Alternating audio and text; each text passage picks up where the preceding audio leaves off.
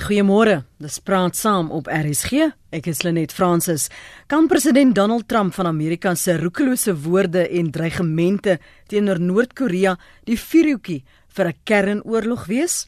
Ons gaste vanoggend is professor Dirk Coetzee, hy's politieke ontlede verbonde aan Unisa en Dr. Jolandi Spies, senior navorsingsgenoot verbonde aan die Universiteit van Johannesburg.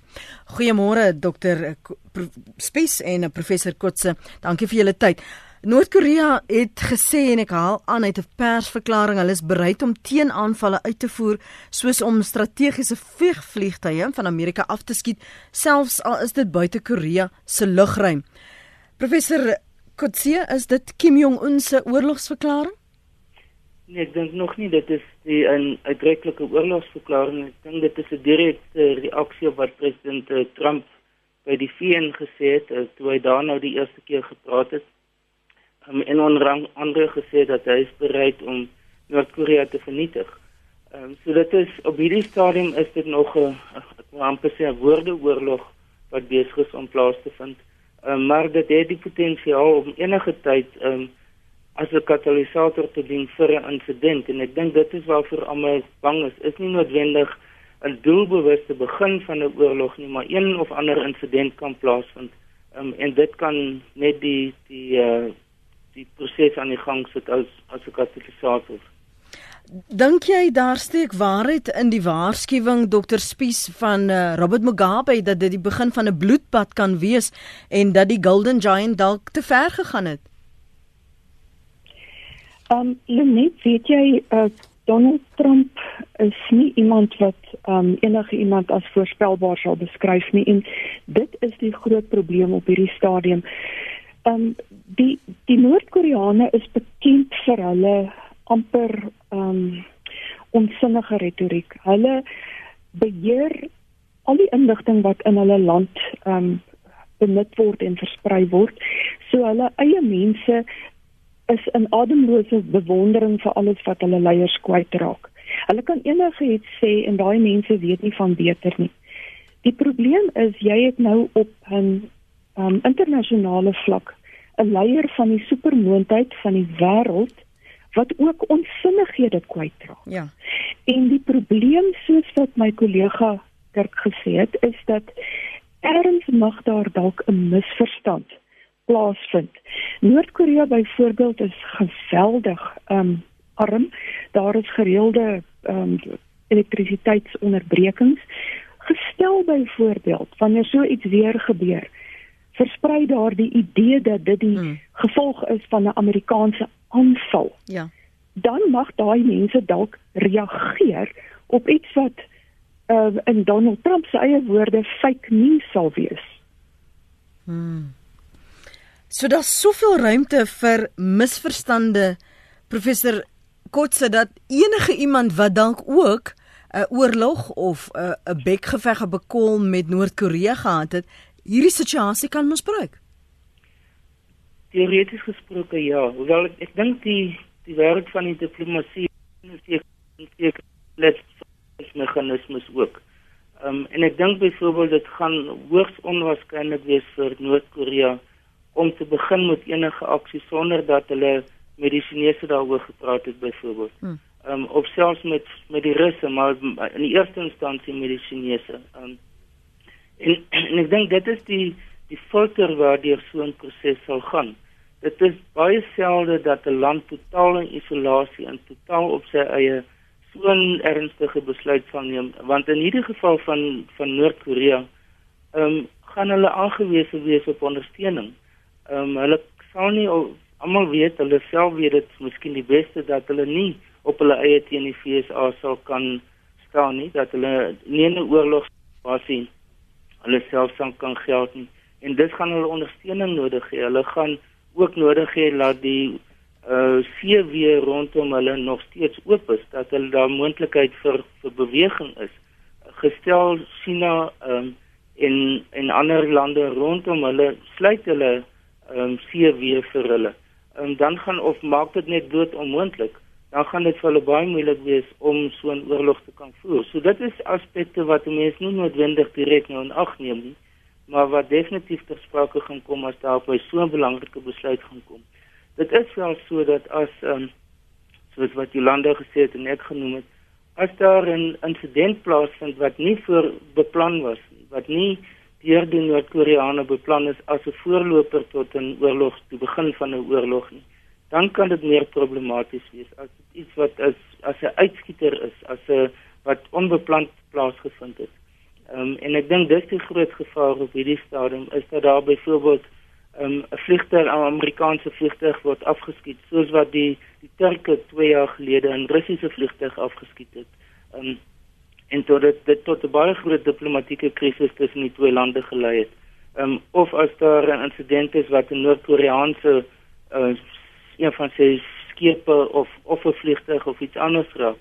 Dit is die tipe situasies wat uh, moontlik tot uh, uh, as 'n katalisator kan dien wat in groter probleme dan kan veroorsaak. Kan ons net vir ons luisteraars hierdie twee figure uh, in konteks plaas van waar ons nou in hierdie geskiedenis staan? Uh, Prof Dr. Uh, Spies het gepraat van die een is so onsinnig soos die ander een by tye. Maar die die die gerugte oor Kim Jong Un wat en en sy mate van gewelddadigheid en wat hy in staat is om te doen en en ook roekeloosheid uh, met aksies gee ons 'n idee van wie hy is en plaas vir Trump dan in konteks en hoekom hierdie twee figure uh, so roekeloos en en en en noodlottig kan wees uh, professor Kotse Ehm um, wel ek dink jy het veel veel lande gevra ek sal net vinnig iets noem en dit is dat uh, die Noord-Koreaanse leiers is die derde in 'n familie. Dis 'n dinastie wat nou sedert onafhanklikwording of sedert die oorlog um, in beheer van die land is. Dit is dis gaan nie daar is dis nie die sprake van normale politiek soos wat uh, ons dit ken of of die meeste ander mense dit ken nie. Donald Trump is amper iets soortgelyk. Hy kom uit 'n om, omgewing waar wat nie die normale politieke prosesse uh, gevolg het van dat hy eers um, sien maar gouverneur van 'n staat of 'n senator van 'n staat was en dan politieke ondervinding opgedoen het en dan president geword het soos omtrent alle ander Amerikaanse presidente maar dat hy as gevolg van sy sy besigheidskundigheid en bekendheid het hy eintlik van buite af totaal van buite gekom en probeer hy nou om 'n ek sal dit in aanhalingstekens noem 'n Amerikaanse revolusie tot stand te bring om die gewone praktyke die establishment in Amerika te op sy kop te keer. Um, en as gevolg daarvan is hy totaal onkonvensioneel. Um, en is dit deel van die patroon van of die plan wat hy in gedagte het dat hy moet onkonvensioneel wees. En ek dink die twee figure bymekaar wat ook nie dis nie die normale politieke prosesse wil gebruik nie. Aan die kant van Noord-Korea het hulle nie 'n demokratiese proses nie. Aan die Amerikaanse kant um, word dit beskou as deel van die blokkade in die stelsel dat daar te veel van mag aan die politieke elite, aan die politieke establishment in Washington gegee is en dat president uh, Trump dit ook wil op sy kop omkeer. As jy mens nou die twee bymekaar sit, dan beteken dit die spelreëls is die van onkonvensioneel wees en die van onvoorspelbaar wees. Um, en dit maak hierdie situasie so onvoorspelbaar vir ons. Professor Spies, ek dokter Spies, ekskuus. Ehm um, ja, weet jy 'n mens moet altyd ehm um, die konteks in gedagte hou en ehm um, Noord-Korea is 'n baie baie besondere en unieke land. Ehm um, enigiemand wat die Koreane ken, ek praat nou van al die Koreane suid en noord, weet hulle is besondere hardkoppige, besondere trotse mense. En ons dink aan Noord-Korea uh vandag as 'n baie arm land, um, 'n land wat um, kernwapens ontwikkel omdat hy eintlik niks anders het uh waarmee hy homself kan verdedig of mee kan uh, meeding met ander lande nie. Maar tot in die uh, 1960s was Noord-Korea meer ontwikkel as Suid-Korea. En um, dit het eers begin verander in die laat 1970s en daai land het ekonomies eintlik in mekaar gestort soos wat die um, Sowjetunie uh, tot 'n einde gekom het. En aan die einde van die Koue Oorlog het hy homself bevind um, sonder vriende, sonder vermoëns. En dit is eintlik waar hierdie geweldige mentaliteit van um wat ook al, ons sal doen enigiets wat dit vat net om te oorleef. Hulle nasionale beleid is iets wat Juche genoem word. En dit beteken basies ehm um, Koreaanse oorlewing. En daarvoor sal hulle enigiets opoffer. Daai landjie is die mees gemilitariseerde in die hele wêreld. Hulle het 'n bevolking van omtrent 25 miljoen. Maar hulle 'n totale paramilitêre magte is 6 miljoen mense. Dit is die grootste in die wêreld. 25% van hulle bevolking is betrokke in militêre ehm um, besoldiging. Ja. En hulle mentaliteit is een van ons gaan oorleef. Maak nie saak wat gebeur nie, maak nie saak of die Sowjetunie mekaar stort nie, maak nie saak of die hele wêreld sanksies teen ons toepas nie. Ons gaan oorleef. Die ander ding wat mense moet onthou is dat hierdie kernwapenontwikkeling van hulle eintlik in reaksie plaasvind op wat hulle sien as 'n eksistensiële bedreiging. Dit is vir ons moeilik om dit in te dink, maar die Noord-Koreane dink die FSA wil hulle vernietig. En dit is aan hulle bevestig na um, 2001 toe die Amerikaners begin het met hulle uh, oorlog teen terreur. Is Noord-Korea beskryf as een van die rogue states. Hy is uitgesonder as 'n 'n uh, staat waar daar niks goed ooit kan gebeur nie. En die Noord-Koreane sien dit in die eerste plek as 'n bedreiging vir hulle oorlewing en in die tweede plek is dit vir hulle ongelooflik disrespekvol. Daai mense, trots soos wat hulle is, wil hanteer word asof hulle respekwaardig is. En die Amerikaners behandel hulle nie so nie en ek probeer nie goed praat wat die Noord-Koreane doen nie. Maar nou het jy iemand soos Donald Trump wat voor die VN voor die wêreld gehoor. Ja. Dinge sê soos Noord-Korea mag dalk vernietig word. Dit is net olie op die vuur. Ja. Dirk het genoem dat Trump ook uit 'n onkonvensionele agtergrond kom en dit is waar. Sy beleid van Amerika eerste. Dit weerspieël nou wat die Noord-Koreane doen. Ons maak nie saak wie anders nie. Connie, dankie vir jou oproep goeiemôre. Uh, Môre Lenet en jou gaste. Ja, ek dink dokter Spies het my vraag gedeeltelik beantwoord want dit was oorspronklik wat die doel is van uh, Kim Jong Un se se afvuur van hierdie missiele. En ek dink ons sit op 'n gevaarlike terrein tussen Amerika, uh, nou sit ons maar met Noord-Korea, Suid-Korea en selfs Japan en Rusland wat hier betrokke gaan raak. En mense eis aan die gevolge van van onstabiele onstabiele leiers wat wat sulke arsenale tot hulle beskikking het. Ek wil net graag hoor hoe gevaarlik is die atmosferiese vrylating van uh toksiese elemente van hierdie missiele. En uh dan dink 'n mens aan uh China en Rusland soos ek gesê het en ook uh Suid-Korea. Daar was reeds uh, planne om die Amerikaansbeheerde Guam-eiland dink ek in die Stille Oseaan ook met missiele aan te val en te finaliseer waarvan uh, was dit maar net 'n dreigement of of uh sal Kim Jong Un dalk oorgaan na na hierdie eiland toe om om om hierdie storie te begin. Baie dankie en 'n mooi dag. Baie dankie vir jou uh, oproep daarso. Kan ek vir jou vra professor uh, Kotse, kom ons verdeel indien ons kan um, hierdie prentjie waar hy praat van 'n gevaarlike terrein. So wie sal hulle waarskaar as ons nou midde hierdie gevaarlike terrein nou vasval en môre moet ons nou kant kies. Wie sal hulle waarskynlik? Jy het net toe genoem en verwys na Rusland en China wat Kim Jong Un dalk eers sal raadpleeg. So ek neem aan hulle staan aan die kant van Noord-Korea. Wie nog? Ek dink ons moet versigtig wees om dit so uitdruklik te stel. Ehm um, hoewel hulle histories naby Noord-Korea was, um, ek dink byvoorbeeld aan die Koreaanse oorlog vroeër, die Koue Oorlogperiode in die algemeen um, beteken nie noodwendig dat hulle direk militêr vir Noord-Korea gaan ondersteun nie. Um, aan die ander kant ek die die oorkant die Amerikaanse kant ek dink ek is is is meer duidelik um, en dit sluit in eerste instansie Suid-Korea in en die tweede instansie sal Japan baie direk betrokke raak daarbey. Um, en dan van die om, omliggende lande um, soos ek ek uh, mense sal dink byvoorbeeld Thai, uh, Thailand en en van die ander Indonesië en van die ander groot lande in die omgewing. Uh, maar ek dink die, die meeste lande sal probeer om uit hierdie konflik uit weg te bly. Um, want omdat dit in wese 'n 'n kern of die potensiaal het om 'n kernkonflik te word, um, gaan dit beteken dat geen van die ander lande in die omgewing behalwe China um, daaraan kan deelneem nie. Ehm um, die sit die situasie van van Vietnam is ook on, onduidelik. Ehm um, hoewel Vietnam ook nie 'n 'n kernmoondheid is nie.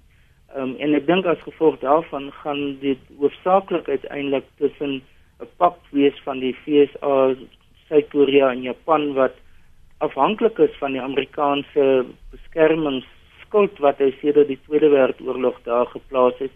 Um, en dan aan aan die ander kant Noord-Korea wat waarskynlik indirek gaan probeer om te steun op op China. Um, maar daar's daar's geen waarborg dat China dit vir hulle sal sal bied nie.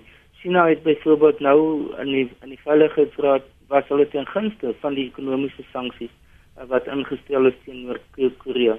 So dit dit maak die die situasie baie um, onseker en en vloeibaar. Um, en ek dink dit is ook een van die hoofredes hoekom dit so moeilik is vir vir die internasionale gemeenskap om werklik ehm um, hierdie situasie onder beheer te kan kry. Boonbehalwe die feit dat Amerika direk daarbey betrokke is, wil geen een van die ander lande in 'n meer direkte sin behalwe deur die sanksies ehm um, by by die situasie betrokke raak. Ehm um, mens moet ook dink daaraan dat daar voorheen die sogenaamde sesparty onderhandelinge was wat tussen 2003 en 2008 plaasgevind het. Um, en dat dit uiteindelik misluk het. Um, maar daar word baie sterk parallelle getrek tussen daardie onderhandelinge en die onderhandelinge wat nou onlangs met uh, tussen die Europese Unie, die P P5 plus Duitsland um, en en Iran plaasgevind het en wat nou ook op hierdie stadium in die nuus is. Um, en baie mense sê dat die onderhandelinge met Iran al het die die Amerikaanse regering nou die Trump administrasie is hulle baie krities daarteenoor um, het dit hoogswaarskynlik 'n situasie soos wat in Noord-Korea besig is om te ontplooi dat dit in die geval van Iran dit vermy het um, of dit verhoed het. Ja. Ehm um, so die uiteindelik dink ek die meeste mense wil hê dat dit moet oorspoel in 'n diplomatieke en onderhandelingsproses waarby verskeie lande hoogstwaarskynlik betrokke sal wees, maar hoogstwaarskynlik weer daardie ses lande. Dit is China, Noord-Korea, Suid-Korea, Japan, die VSA en Rusland. Hier skryf nog 'n dirk op ons sosiale media. Dr Spies, daar is verskeie verbyvlugte in die nag oor Noord-Korea bo die DZM van FSA strategiese bommervliegtuie um Suid-Korea stuur op dieselfde dag van FSA se sanksies waar ons nou kan gesels 8 miljoen dollar aan Noord-Korea. China het reeds gesê dat hulle nie die FSA sal toelaat om Noord-Korea aan te val nie. Is die grense, die die die skeidslyne al duideliker nou as mens met inagneming van wat Dirk hier skryf?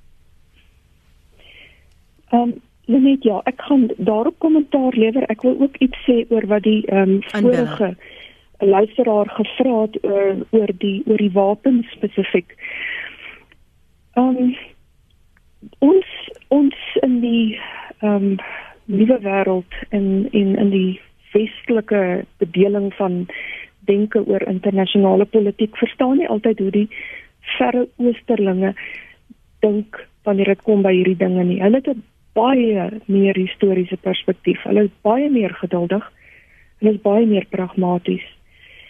En vir 'n land soos China, ehm um, net reg noord van Noord-Korea en natuurlik Suid-Korea, ehm um, sy identiese tweeling wat daar onder hom sit, is is ehm um, pragmatisme baie belangriker as die woorde, die bekgevegte wat wat wat ons aandag trek. Dit is hoekom Noord-Korea bereid is om humanitêre hulp te aanvaar van sy van sy ehm um, nemesis, die Suid-Koreane. Maar die rede waarom die Suid-Koreane dit doen is juis om Noord-Korea te stabiliseer. Mense dink hulle wil nou Noord-Korea sien krepeer. Maar as Noord-Korea heeltemal in mekaar stort, word hulle die Suid-Koreane se probleem, die Chinese se probleem. Mm. Dan is daar chaos wat onmiddellik daai twee lande wat albei baie baie gesteld is op hulle ekonomiese groei gaan agtertoe sit. Dis die laaste ding wat hulle wil hê. Met ander woorde, die verbyvlugte van die Amerikaners maak nie die Suid-Koreane meer gerus nie. Dit maak hulle meer ongerus. Ja, daar is 28000 Amerikaanse troepe in Seoul en uh, dit beveilig nou konsuis vir Suid-Korea. Maar vir Suid-Korea is die grootste berusting is in hele Noord-Korea met of sonder kernwapens. 'n Noord-Korea wat sy eie ding doen en op sy eie eksentrieke manier voortploeg. En presies dieselfde geld vir China, Rusland en selfs vir Japan, Japan, al die ander moondhede in daardie omgewing. Die probleem en dan nou kom ons terug na die na die eerste vraag. Is dat op die oomblik is almal senuweeagtig dat die verkeerde beweging 'n 'n ehm um, oorlog gaan gaan uh, trigger. Ja. Die rede waarom Noord-Korea sy missiele afskiet bo oor Japan en waarom hy dit na uh, Guam toe um um kanaliseer is presies om vir Amerika 'n boodskap te stuur. Want in Japan sit daar twee keer soveel um so Amerikaanse soldate as in Seoul. Daar is 58000 Amerikaanse soldate in Japan en in Guam Guam is omtrent in sy totaliteit 'n Amerikaanse militêre basis. En die Noord-Koreane wil met ander woorde 'n boodskap stuur nie noodwendig vir Suid-Korea of eers vir Japan nie, maar vir Amerika om te sê, weet jy wat, ons kan by jou soldate bykom. En hierdie inter ehm um, kontinentale ballistiese missiel wat ons nou ontwikkel het, gaan uiteindelik vir jou bykom op die Amerikaanse kontinent. So dis alles 'n manier om vir Amerika te sê los ons uit ons is soos 'n by. As ons jou steek gaan ons doodgaan, maar ons kan jou eers steek. En dis presies die speletjie wat nou hier gespeel word. En vir die mense in die omgewing, hulle wil net om Vader se naam tog kalm te hê. Ek was in April in ehm um, Suid-Korea gewees en ek het verwag die mense gaan baie baie bekommerd wees oor wat in die noorde aangaan. Ja. Hulle is nie. Hulle is meer bekommerd oor ehm um, aanklagte van korrupsie teen party van hulle politici, soos wat ons hier in Suid-Afrika is. Hulle is met ander woorde nie so begaan oor die feit dat Noord-Korea aantoedetief is as die feit dat die internasionale politiek rondom Noord-Korea die uh, vuurtjie in die kruitvat kan wees nie. Baie interessant. Johan, dankie vir die aanhou. Goeiemôre. Môre hulle net Johan uit en Haag. Uh net 'n paar interessante goed oor Kim Jong Un. Ek het verlede week bietjie gaan navorsing doen oor die man. Ja.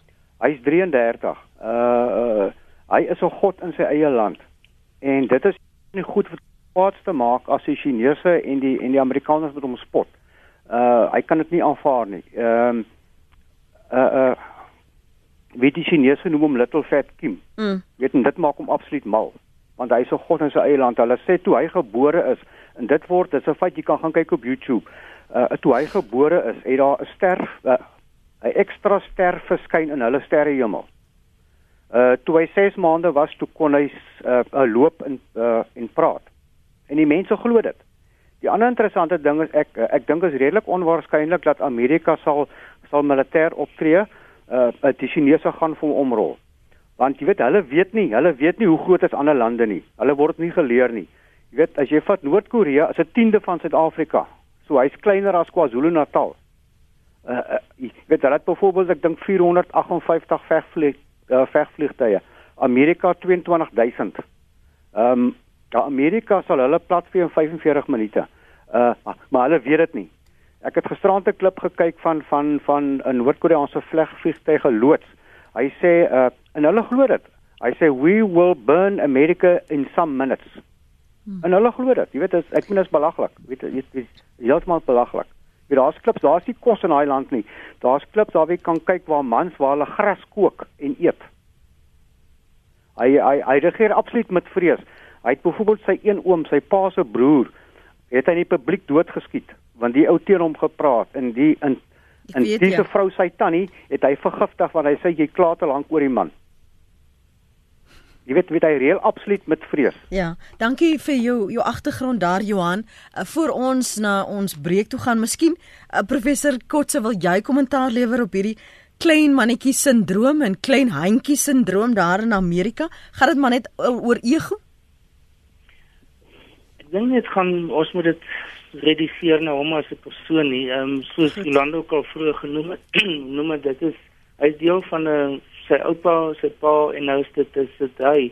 Dis eerstens dis dis dis 'n familie tradisie wat tot stand gekom het in Noord-Korea.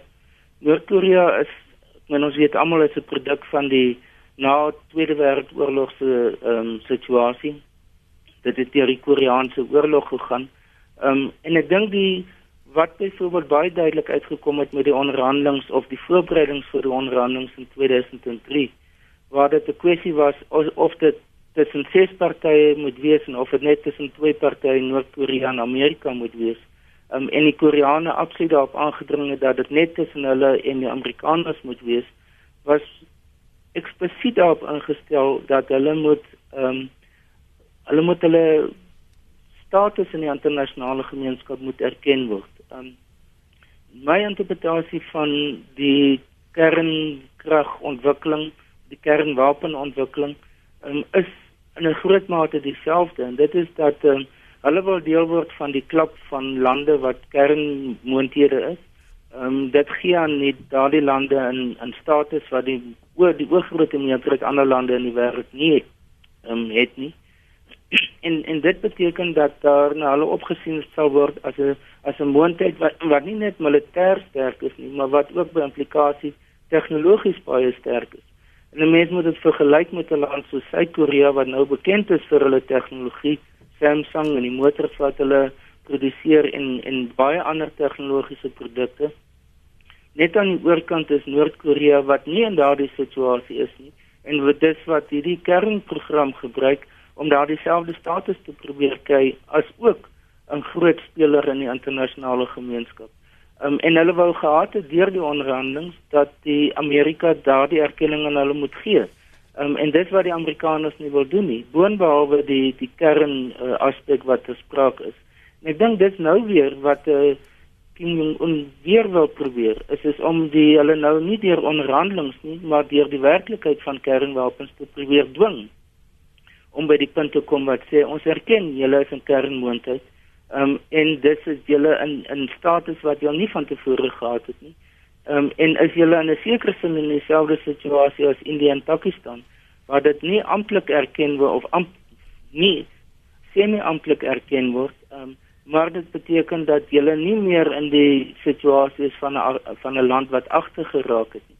En ek dink dit is die essensie daarvan. So dit gaan nie net oor hom as persoon nie, maar eerder oor die diep ek wil ek weet nie of dit die regte woord is nie, maar nasionalisme of patriotisme wat daar in die land heers um, en wat nog steeds ook in stand gehou word as gevolg van die broer of die suster aan die oorkant van die grens um, wat deur die Amerikaners baie sterk ondersteun word, militêr ondersteun word en wat eintlik hierdie uh, idee, hierdie hierdie narrative soos hulle in Engels sê, ja. versterk in steede van dat dit dit uh, probeer verminder um, om hierdie polarisasie te probeer verminder uiteindelik.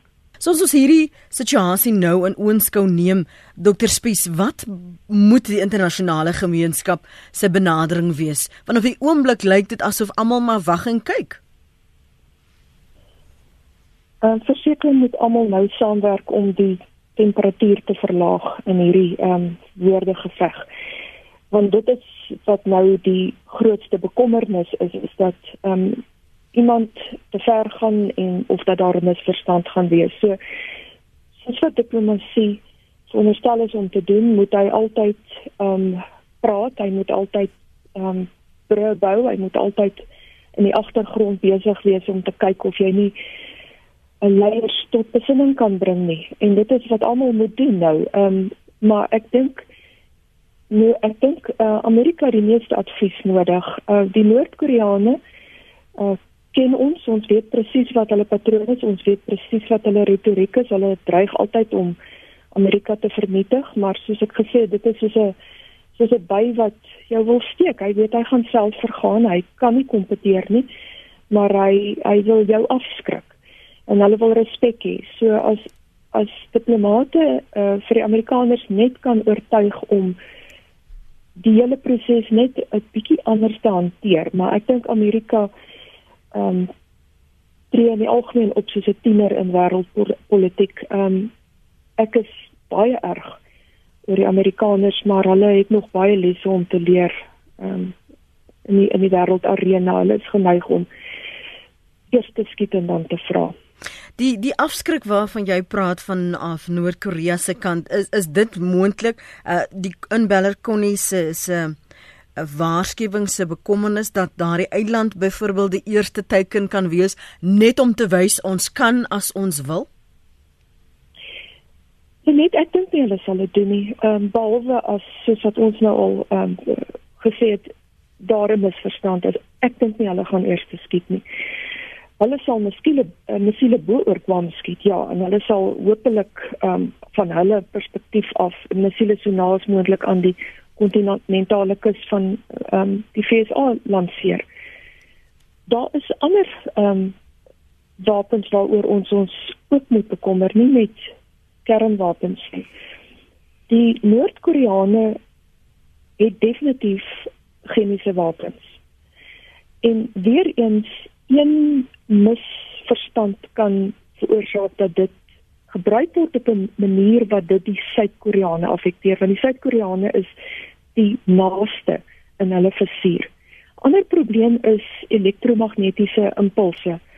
En dit is iets wat veroorsaak word as 'n as 'n ehm um, kernbom ontplof. En daai bom kan baie klein wees, hy kan so groot as 'n ballon wees. As hy in die atmosfeer bo jou ontplof, dan kan hy jou krag ehm um, stelsel totaal en al omverwerp. En as so iets gebeur bo Suid-Korea wat 'n hoogs geïndustrialiseerde land is, kan dit daai land binne sekondes in chaos dompel.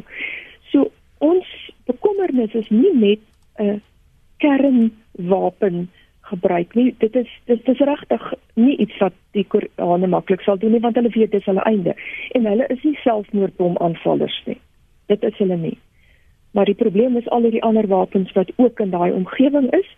En dan sit jy met China en jy sit met Suid-Korea en met Amerikaanse magsvertoon in die streek. Ja. Dis 'n kruit.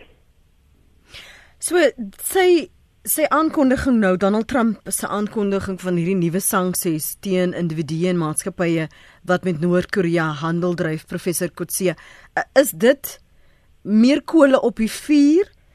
Want as soos dokter Spisie as jy die temperatuur wil verlaag sal die natuurlike sinvolle opsie wees diplomatie maar ons weet ook Donald Trump is is onkonvensioneel om dit lig te stel. Ja ek ek vermoed want wat die rigting waarin hierdie situasie gaan beweeg, ehm um, gaan ons gaan 'n primêre diplomatieke een wees, ehm um, want die die, die militêre opsie is vir geen een van die partye aantreklik nie. Ehm um, almal weet wat die moontlike skade die gaan wees en die vernietiging wat gaan wees, ehm um, soos in die ou dae gepraat is van as dit kom by kernwapens, is dit die idee van mutually assured destruction, met Um, en in hierdie geval kan daar iets soortgelyks wees. So my vermoede is is dat of en ek dink in 'n sekere sin hoop ook is is dat die die twee hoofpartye op hierdie stadium nie met mekaar kan praat nie. Dit beteken Noord-Korea en die VSA. Ehm um, die temperatuur is te hoog. Ehm um, het alself te veel in die openbaar uitgespreek teenoor mekaar. So die situasie is glad nie reg vir enige vorm van van dialoog of vir diplomatie nie. Maar wat ek dink wat heel moontlik besig is om plaas te vind, ons ons weet nie daarvan nie, maar dit is dit moet in vertroulikheid plaasvind. Dit kan nie in openbaar nie. Is dit dat verskillende groeperings agter die skerms, soos byvoorbeeld die Europese Unie wat baie betrokke was by die situasie in Iran, um, soos China dat hulle waarskynlik reeds besig is om uh, by mekaar te kom 'n inisiatief te begin ontwikkel hoe om hierdie verskillende partye uiteindelik by mekaar te kry. En die enigste manier om dit te doen is is om mettertyd om eers vertroue te bou en dit beteken dat hulle nie met mekaar direk kan praat op hierdie stadium nie, maar dat hulle dat hierdie ander groeperings as tussengangers gaan begin optree om namens hulle te praat. Ons het dit gesien in die geval van Iran dat die Amerikaners eers op 'n laat stadium by die onderhandelingsproses betrokke geraak het en dat die voorbereidingswerk deur die Europese Unie en selfs deur lande soos Turkye gedoen is. Um, en my vermoede is is dat dit is die pad vorentoe en dit is hoe hierdie situasie met tyd ontlont gaan word. Uh die die groot probleem met hierdie benadering is is dat daar 'n gevoel is by baie mense dat die uh, Noord-Koreaanse regering in die verlede nie by ooreenkomste gebly het nie en dat hierdie benadering dus nie geloofwaardig kan wees nie. En en ek dink dis die een groot aspek wat uh, wat wat die deurbraak moet kom in die geval van die Noord-Koreane dat daar duidelike syne uitgestuur moet word dat hulle dat hulle wel bereid is om tot 'n ooreenkoms te kan kom. En ek dink die die Iranese ooreenkoms dien as 'n mate van 'n voorbeeld van wat wel gedoen kan word um, in so 'n geval om te probeer om veral die die kernaspek uh, die kernwapenaspek um, te kan aanspreek in hierdie uh, krisis. Wie gaan met Donald Trump dan praat professor Kotse as jy onthou um, hy is deur sy adviseurs het vir hom spesifiek gesê en gevra om nie die verwysing Rocket Man byvoorbeeld te gebruik nie. Daar gaan doen hy dit juis op 'n internasionale arena waar hy weet dat reaksie gaan ontlok. Hoe gaan jy enigstens vir hom help verstaan dat hy verantwoordelikheid moet aanvaar vir dit wat hy sê en dit wat hy tweet want dit kan sy land in 'n internasionale gemors dompel. Ja, dis dis 100% waar, maar ek dink wat wat ek probeer verduidelik is dat daar nie 'n direkte onderhandeling tussen hom en Kim Jong Un gaan wees nie. Er geen onderhandeling, selfs nie die Iranese onderhandelinge is tussen die twee hoofpartye van die verskillende lande wat betrokke is. Selfs nie eens in Suid-Afrika as dit tussen president Mandela en president F.W. de Klerk gewees nie. Hulle het hulle onderhandelaars wat die uiteindelik wat die werklike onderhandelinge doen en wat die wat die uh, verhouding moet bou tussen die verskillende lande. Uiteindelik gaan dit heel aan die einde terug na die hoofpersone, die hoofverteenwoordigers. Ehm um, maar dit beteken dat die terwyl daar op in die openbaar woorde gebruik word wat heel dekonstruktief eh, kan wees is die onderhandelinge dikwels aan die gang. Ehm um, en is daar gewoonlik 'n verstandhouding is moenie moenie aandag gee aan wat in die openbaar gesê word nie. Die essensie van waaroor ons praat is dit wat ons hier in die onderhandelingsproses mee besig is. Dis hoe diplomatieke onderhandelinge in die meeste gevalle werk. Dit het byvoorbeeld in die geval van die Israelies en die en die Palestynë in Oslo um, in 1992 was dit presies dieselfde waar daar goed en openbaar gesê is wat eintlik baie polariserend was en provokatief was, maar wat dit wat nie die onderhandelings uh, geskaad het nie omdat daar 'n verstandhouding was tussen onderhandelaars waarmee hulle besig was op daar mm. op op daardie stadium. Mm. En dis die tipe van dinamika wat sal moet ontwikkel om om hierdie situasie te kan ont, ontlont uiteindelik. Maar maar ons maak nou staat op die feit dat daar seker goed gesê word in die openbaar, maar agter geslote deure is daar 'n ander tipe onderhandeling en diplomatie wat plaasvind. Maar gegee wat dokter Spies gesê het en dat jy's welkom om hier aan te sluit dokter Spies dat die Noord-Koreane afgesluit is van wat buite Noord-Korea aangaan en dat alles wat gesê word binne die land en ook die militaristiese aard, hulle as die waarheid sal aanvaar en baie maklik enige uitspraak kan verkondig as hierdie is nou die aanslag waarteen ons gewaarsku is. Ja, so maar uh, kyk hulle het daarom uh, kontak met die buitewêreld deur hulle diplomate, so hulle diplomate is by die VN. Um, hier is 'n um, Noord-Koreaanse ambassade in Suid-Afrika. So dit is nie asof hulle uh, regime onbewus is van um, van die buitewêreld of van wat daar aangaan nie. Dis maar net dat daar twee verskillende vlakke van kommunikasie is. Hulle sê vir hulle eie uh, plaaslike gehoor net wat hulle wil. Um, en dan praat hulle met die internasionale gehoor nou weer um, op ander plekke, nie altyd uh, op op plekke waar hulle eie mense dit kan hoor nie. So hulle is definitief aan die onderhandel. Ehm um, soos wat ons hier met mekaar gesels is daar ek sou sê honderde honderde uh, mini onderhandelinge aan die gang en die die lande wat histories betrokke is by die ehm um, by die demilitarized zone daardie uh sone tussen Noord en Suid-Korea word gepatrolleer deur onder andere Switsers en Swede en Oostenrykers en so aan. Daai mense is definitief besig om om um, met albei kante te praat en te sê ehm um, jy weet kom ons vat 'n trekkie terug.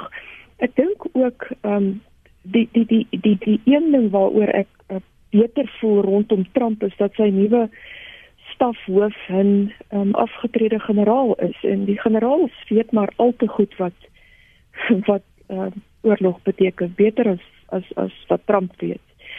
En Trump om een of ander rede het 'n geweldige respek vir die generaal. So ek hoop hy luister na hulle. Ehm um, ek uh, ons gaan nie sy tweets beheer nie. Uh, niemand beheer sy tweets nie. Dankie vir die bel, môre Johan. Goeiemôre Lenet. Uh, jy weet ek ek luister nou na hierdie gesprek en dit maak nie vir my lekker sin nie. Mm -hmm. Hierdie Kim Jong Un mannetjie gaan en hy hy sê ek wil hierdie Amerikaners uit die aarde uitskiet met 'n waterstofbom.